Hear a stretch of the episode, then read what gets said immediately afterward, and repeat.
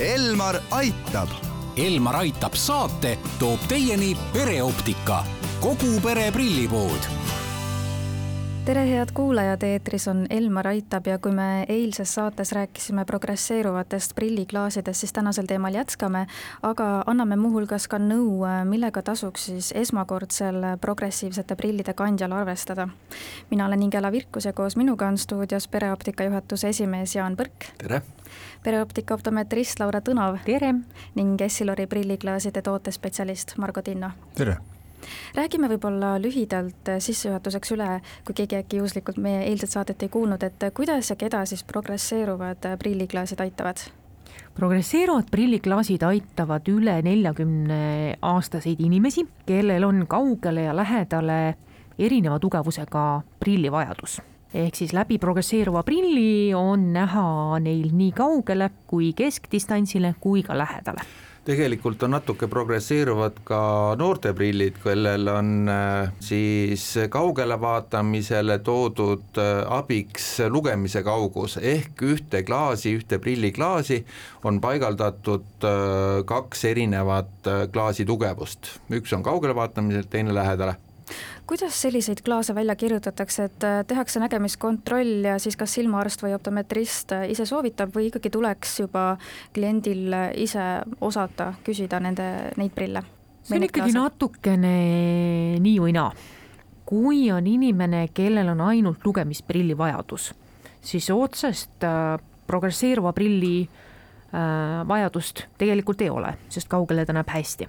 kui ka on seal kaugele vaatamisel mingisugune ikkagi hälve ja prilli oleks vaja, siis ta on lihtsalt väga mugav prill ja pigem siis optometrist ka ise soovitab no progresseeruvad äh, prilliklaasid äh, võimaldavad siis näha teravalt nii kaugele, keskdistantsile kui lähedale, nagu te ütlesite, et äh, sellised klaasid on väga mugavad igapäevasteks toiminguteks, aga samas esineb ju nüansse, millega kindlasti tasub arvestada, et kui lihtne või keeruline on selliste prillidega nii-öelda harjuda, et millega kindlasti kandja, esmane kandja arvestama peaks? ütleme, et kui ikka klient läheb poodi või kauplusesse ja tal on soov uue prilli järgi, et kui ta on esmane progresseeruva prilli kandja, siis äh, tuleks uurida seda, eks ole, et, et mis see endast kujutab, aga kaupluses kindlasti selgitatakse seda, kuidasmoodi sellist prilli läätsetüüpi kasutada ja kanda ja tegelikult tuleks siis järgida seda, mida on soovitatud, et äh,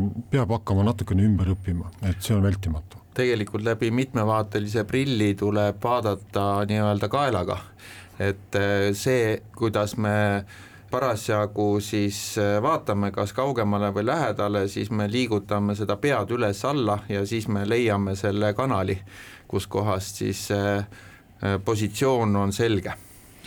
et jah, tegelikult ongi niimoodi, et ähm, prillipoes teenindajad, optometristid alati küsivad kliendi käest, kui ta tuleb enda retseptiga peal on progresseeruva prilli retsept, siis küsitakse kohe alati seda, kas on esimene prill või on varem olnud.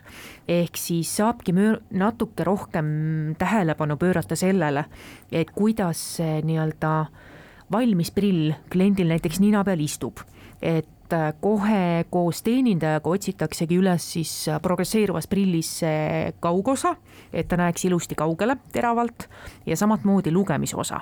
ja siis vaikselt äh, hakatakse otsima ka seda keskdistantsi, mis on see arvutidistants aga mis võivad olla ikkagi need kaebused, millega tasuks siis arvestada esmakandjal, et kas näiteks pea võib natukene ringi käia või? noh, üldiselt on niimoodi, et kui inimene varem ei ole progresseeruva läätse tüübiga kokku puutunud, ja siis ei ole seda kokku puutunud ka nägemiskeskus. ehk nägemiskeskus või see, kuidas me näeme, ei tea, kui ta läbi läätse vaatab, eh, kui seal on, ütleme optiliselt on see läätse ülesehitus keeruline, et, et kuidas seda infot kasutada. et siis ta sisuliselt peab hakkama õppima seda, neid tugevusi, mis seal läätses on, kogu selle läätse ulatuses kasutama ja see on äh, paras väljakutse nägemiskeskusele, ütleme peas. no me hirmutame ikka praegu inimesed hirmsasti ära, et tegelikult see asi nii hull ei ole, et, et kõik inimesed harjuvad ära.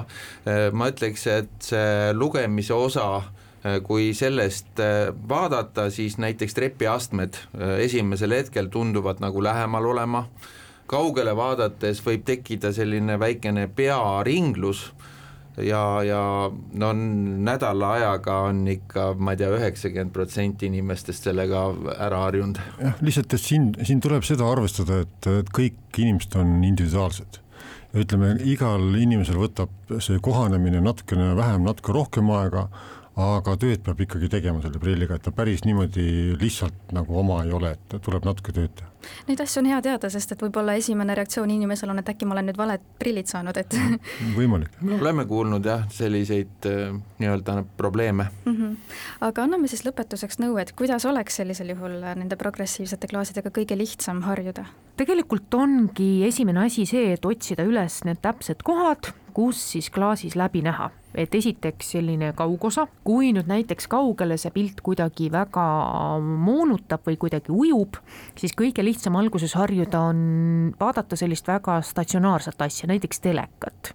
samamoodi lugeda niimoodi, et äh, teksti ei pea liigutama, siis on ka see, et natuke see kaela nii-öelda liigutamine läheb lihtsamaks ja juba tegelikult ta tuleb automaatselt.